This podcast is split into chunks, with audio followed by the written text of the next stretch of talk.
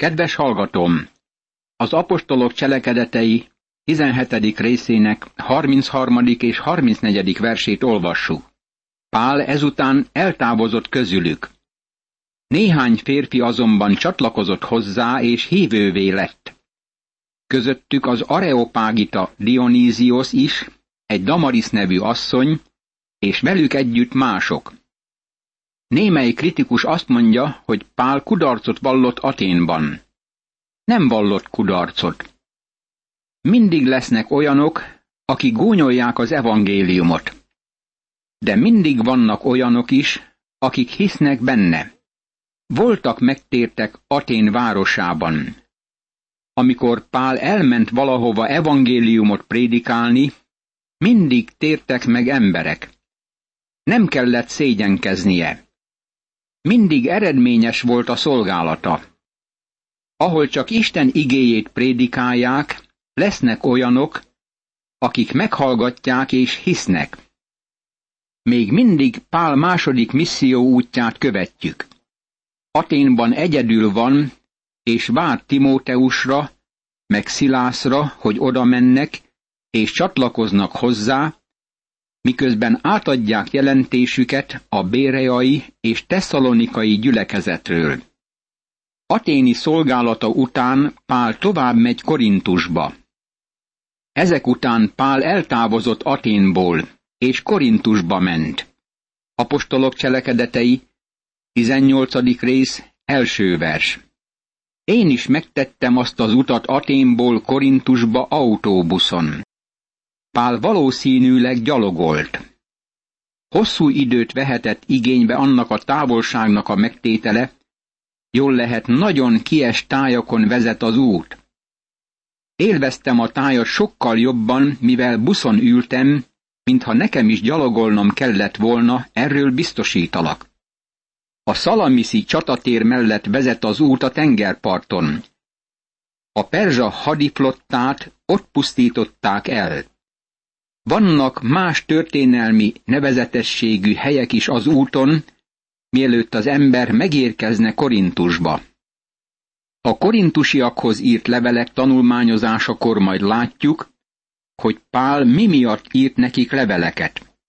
Hadd mondjam azt, hogy Korintus városa valószínűleg a leggonoszabb város volt abban a korban. Az volt a római birodalom Hollywoodja vagy Las Vegasa. A szex, az italozás és minden testi élvezet megtalálható volt azon a helyen. Korintusban ma láthatja az ember a nagy római fürdő maradványait. Oda mentek kiózanodni.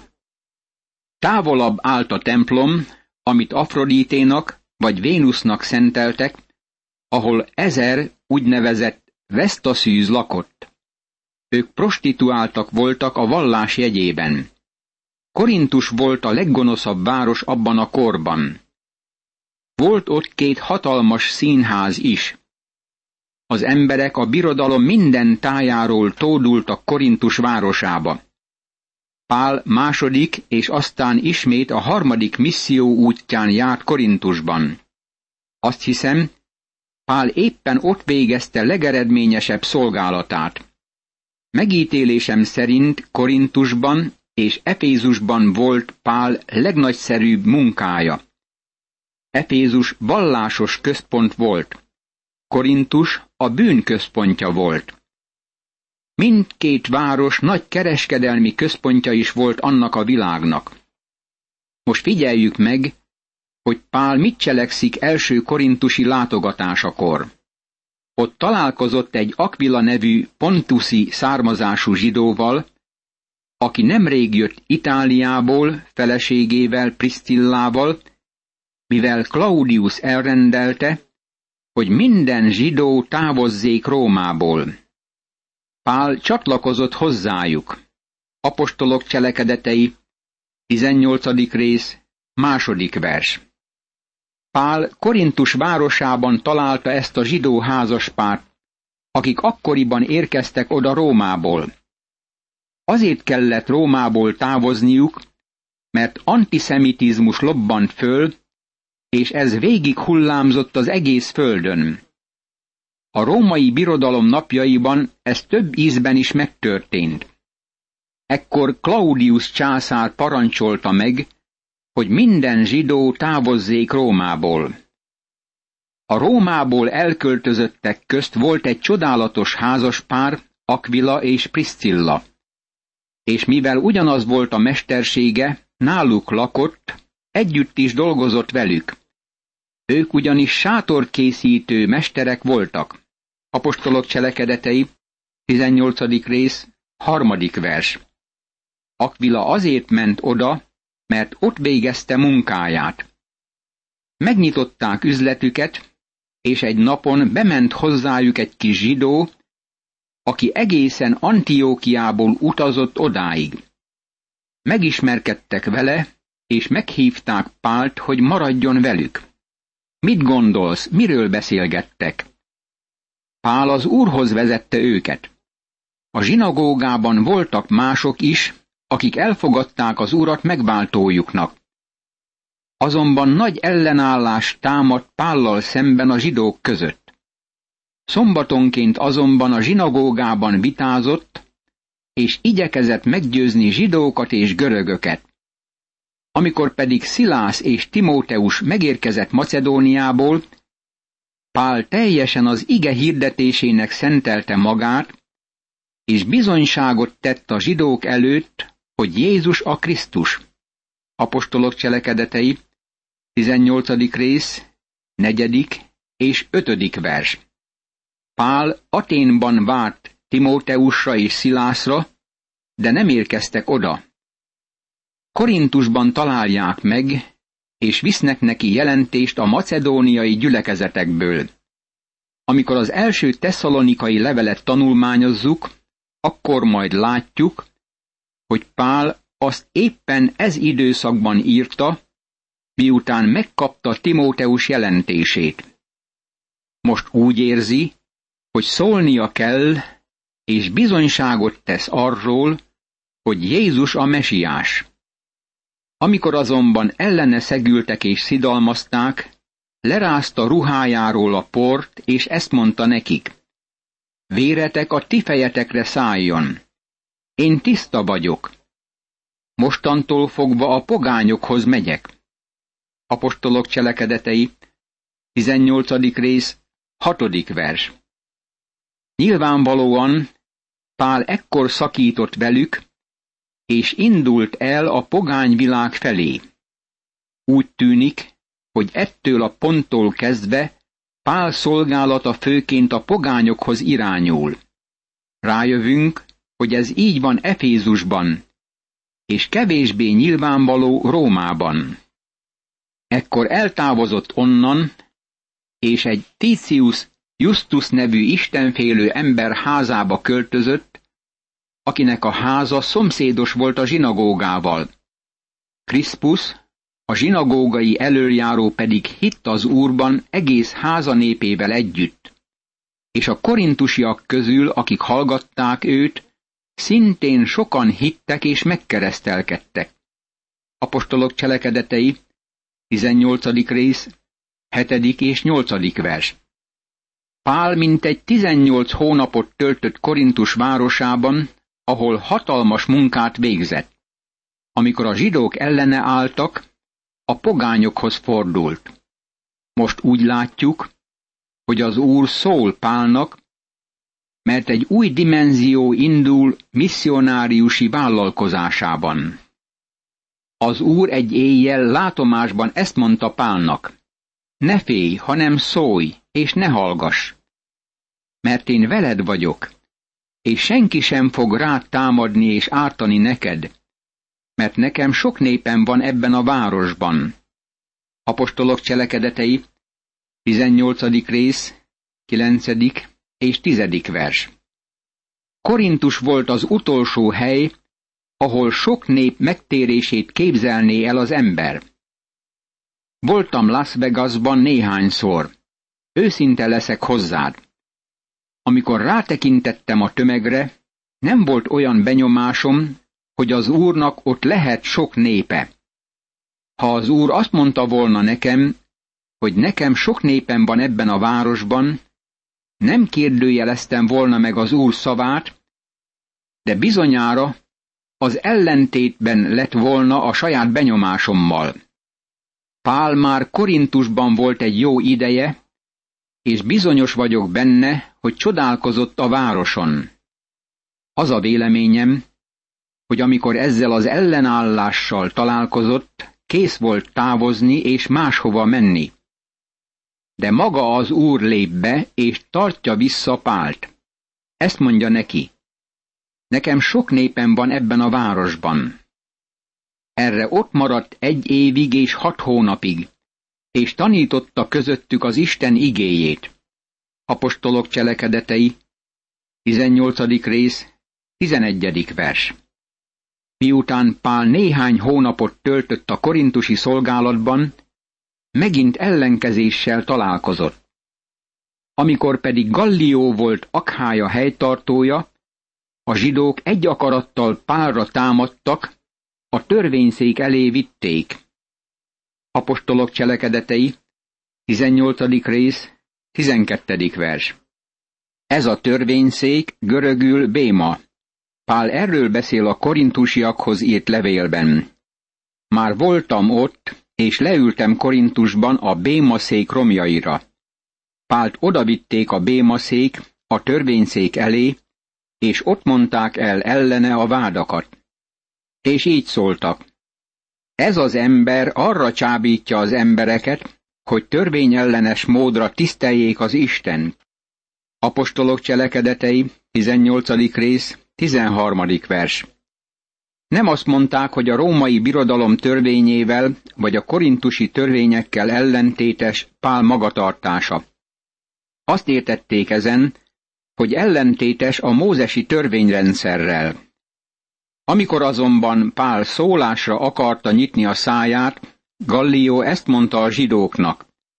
Ha valami törvénytelenségről vagy súlyos büntetről volna szó, ti zsidók, a törvény értelmében meghallgatnálak benneteket. Ha viszont rátok tartozó ügyekről, nevekről és a ti törvényetekről van közöttetek vita, azt intézzétek el magatok, mert én ilyenekben nem kívánok bíró lenni. Aztán kiutasította őket a törvényszék elől.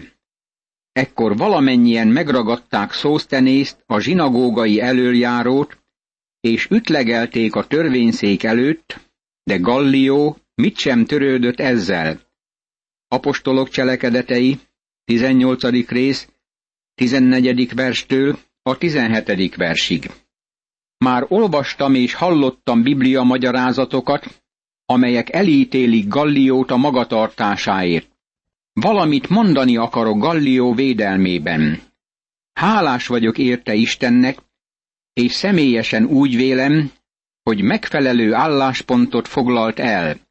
Megmondom neked, hogy mit értek ezen. Valószínűleg ő az első személy, aki döntött az egyház és az állam között. Gallió azt mondta, hogy ha vallásos ügyről van szó, vagy vallásos kérdés forog fenn, akkor saját maguknak kell megoldaniuk. Ő római előjáró volt és a római törvény végrehajtásával törődött. De amikor az esetben nem szerepelt római törvény, akkor nem avatkozott be. Azt mondta nekik, hogy saját maguk foglalkozzanak vallási ügyeikkel. Elfogadta a kezeket el politikát. Kedvelem Galliót. Elválasztotta az egyházat és az államot. Nem avatkozott be abba, hogy Pál prédikál-e Korintus városában. Korintus a szabadság városa volt, beleértve a vallásszabadságot is. Mivel a kérdés vallással volt kapcsolatos, ezért visszautalta az ügyet hozzájuk. Most ezt akarom mondani. Bár csak minden állam ugyanezt a politikát fogadná el, bár csak a kezeket el politikát követnék, amikor vallási ügyekre kerül sor. Mi joga van egy csomó világi embernek ahhoz, hogy döntsön a vallási kérdésekben, például abban, hogy lehet-e imádkozni az iskolákban vagy nem. Ha valamelyik lakóterületen azt akarják, hogy imádkozzanak, akkor imádkozni kell az iskolájukban.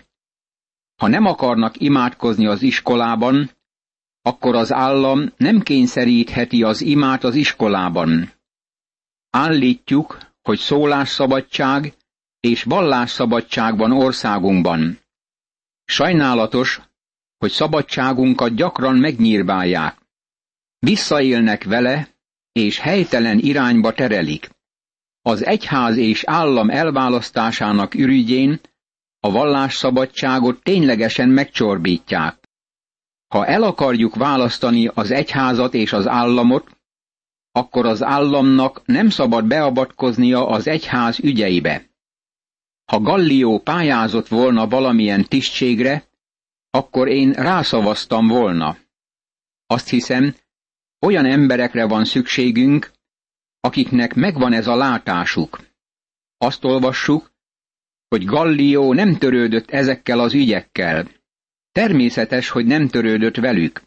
Ő világi, hatósági ember.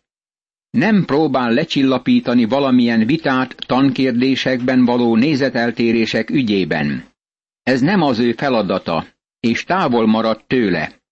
Én mellette szavaznék. Pál pedig még jó néhány napig ott maradt, azután elbúcsúzott a testvérektől, és Szíriába hajózott Priscillával és Akvilával együtt, előbb azonban megnyíratta a fejét Kenkreában, mert fogadalma volt. Apostolok cselekedetei, 18. rész, 18. vers. Sokan hibát találnak abban, hogy Pál fogadást tett. Azt mondják, hogy éppen ő volt az az ember, aki azt prédikálta, hogy nem vagyunk a törvény alatt, hanem a kegyelem alatt élünk, és ezért nem lett volna szabad fogadalmat tennie. Aki ezt mondja Pálról, az Pálnak egy kis törvényt ír elő.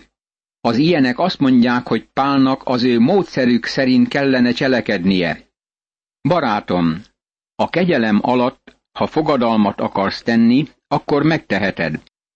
Ha nem akarsz fogadalmat tenni, akkor nem kell megtenned. Pál nem kényszerített senki mást a fogadalomtételre. Valójában hangsúlyozottan kijelentette, hogy senkinek sem kell ezt tennie. De ha Pál mégis fogadást akar tenni, ez az ő ügye. Ez az a csodálatos szabadság, amelyet Isten kegyelméből kapunk.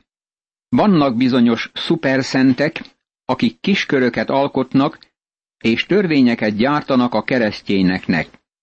Azt mondják, hogy nem szabad ezt tennünk, nem szabad azt tennünk. Hadd mondjam neked nagyon őszintén, hogy az Úr Jézus Krisztussal való kapcsolatunk a szeretet ügye. Ha szeretjük őt, akkor természetesen semmit nem teszünk, ami megszakítja vele való kapcsolatunkat. Ne hangoztasd, hogy menjek át a te csapóajtódon, mert én őt követem. Ő mutatja meg nekem, hogy mit tehetek és mit nem tehetek, hogy fenntartsam vele való közösségemet. Ha valaki húst akar enni, akkor szabadon ehet húst. Ha valaki meg akar tartani bizonyos napot, akkor szabadon megtarthatja. Akár eztek tehát, akár isztok, bármi már cselekeztek, mindent Isten dicsőségére tegyetek. Első korintusi levél, tizedik rész, 31. vers. Fontos, hogy mindent Isten dicsőségére tegyünk. A húsevés nem tesz minket kedvessé Isten előtt, sem az, hogy tartózkodunk a húsevéstől. Itt nekifogásoljuk Pált. Szegény Gallió és Pál bizonyára bajba kerül a kritikusok szemében ennél a különös ige szakasznál. Mindkettejüket védeni akarom. Pál most visszatér második misszionárius útjáról. Korintus volt utazásának a végállomása, és most visszatér Antiókiába. Kenkreából elhajózik, ami a keleti oldalon levő tengeri kikötő. Ma csatorna van a korintusi félszigeten, de abban a korban még nem volt. Gyakorlatilag a hajókat átvonszolták a földszoroson a másik oldalra. Kenkrea volt Korintus kikötője a keleti oldalon. Pál oda megy Akvilával és Pisztillával, és hajóra szállnak. Nem nyugati irányba megy, hanem hazafelé hajózik. Efézusba érve elvált tőlük, maga pedig bement a zsinagógába, és vitázott a zsidókkal. Apostolok cselekedetei, 18. rész, 19. vers. Emlékszünk rá, hogy amikor elindult erre a második misszióútra, Isten lelke nem engedte meg neki, hogy lemenjen Efézusba. Most visszafelé megáll Efézusnál, de nem tartózkodik ott túl hosszú ideig. Amikor arra kérték, hogy hosszabb ideig maradjon náluk, nem volt rá hajlandó, hanem búcsút vett tőlük, és ezt mondta. Ismét visszatérek hozzátok, ha az Isten úgy akarja. Aztán elhajózott Efézusból. Apostolok cselekedetei, 18. rész, 20. és 21. vers. Valaki megint azt mondhatná, hogy mi köze volt Pálnak ahhoz, hogy megtartsa az ünnepeket. Gondoljunk származására. Ő éppen olyan zsidó, mint Simon Péter. Őt a mózesi rendszerben nevelték fel. Tudja, hogy számos barátja várja őt Jeruzsálemben az ünnepen. Fel akar menni, hogy bizonyságot tegyen előttük. Úgy érzi, hogy mindenképpen meg kell tartania azt az ünnepet, amit Jeruzsálemben ünnepelnek. Ő a kegyelem alatt él. Ha ezt akarja tenni, ez az ő ügye. Mégis azt látta, hogy nagy kapu nyílt meg Efézusban. Misszionárius szíve volt, és vissza akart térni hozzájuk. Efézus egyike volt a római birodalom nagyvárosainak. Imádkozzunk! Mennyei édesatyám, köszönöm neked, hogy az Úr Jézus Krisztus által megszabadítottál bűneimtől, és levetted rólam a törvény átkát. Kérlek, segíts meg, hogy ebben a nagy kiváltságban hűségesen megmaradjak, és kövessem szent lelked vezetését és útmutatását. Az Úr Jézus Krisztus nevében hallgass meg engem. Ámen.